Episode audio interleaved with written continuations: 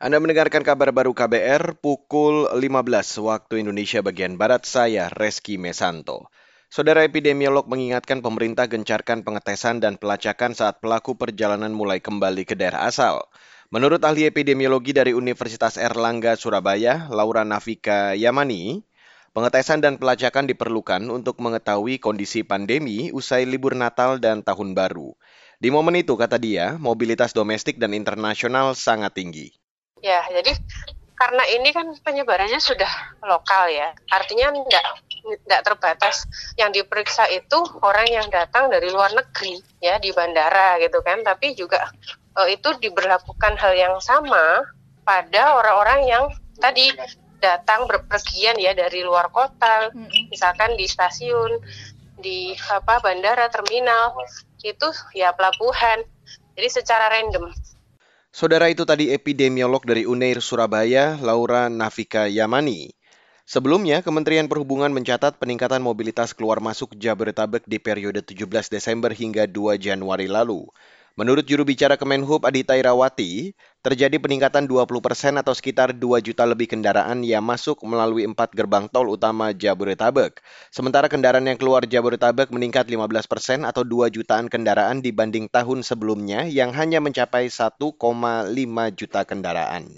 Beralih ke informasi selanjutnya, Saudara. Psikolog anak menilai kebijakan pembelajaran tatap muka terbatas 100% bisa memicu trauma bagi psikologis anak. Ketua Lembaga Perlindungan Anak Indonesia atau LPAI, Seto Mulyadi, meminta pelaksanaan PTM harus dievaluasi. Ia juga meminta anak-anak dilibatkan saran dan masukannya terkait evaluasi penerapan PTM 100%. Sama seperti pada waktu pertama kali langsung daring, ya. Kan tercatat Kementerian Pemberdayaan Perempuan dan Perlindungan Anak mencatat 13 persen anak depresi, gitu. Ya, karena caranya yang keliru.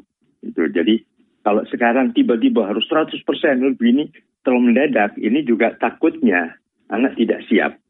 Lalu belum kalau dipertimbangkan juga saran dari IDAI bahwa virus ini cukup berbahaya, penularannya sangat cepat dan sebagainya.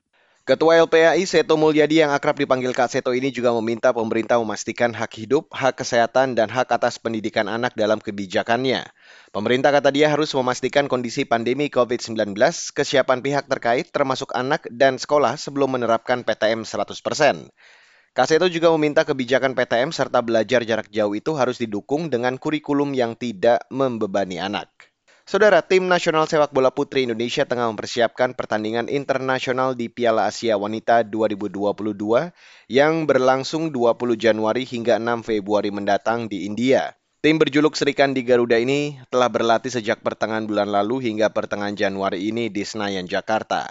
Indonesia akan memberangkatkan 30 atlet sepak bola putri di partisipasi keempat Merah Putih di Piala Asia Wanita 2022. Di Piala Asia Wanita 2022 ini, Timnas Putri Indonesia tergabung di Grup B bersama Singapura, Filipina, dan negara langganan Piala Dunia, Thailand. Dan saudara, demikian kabar baru saya Reski Mesanto.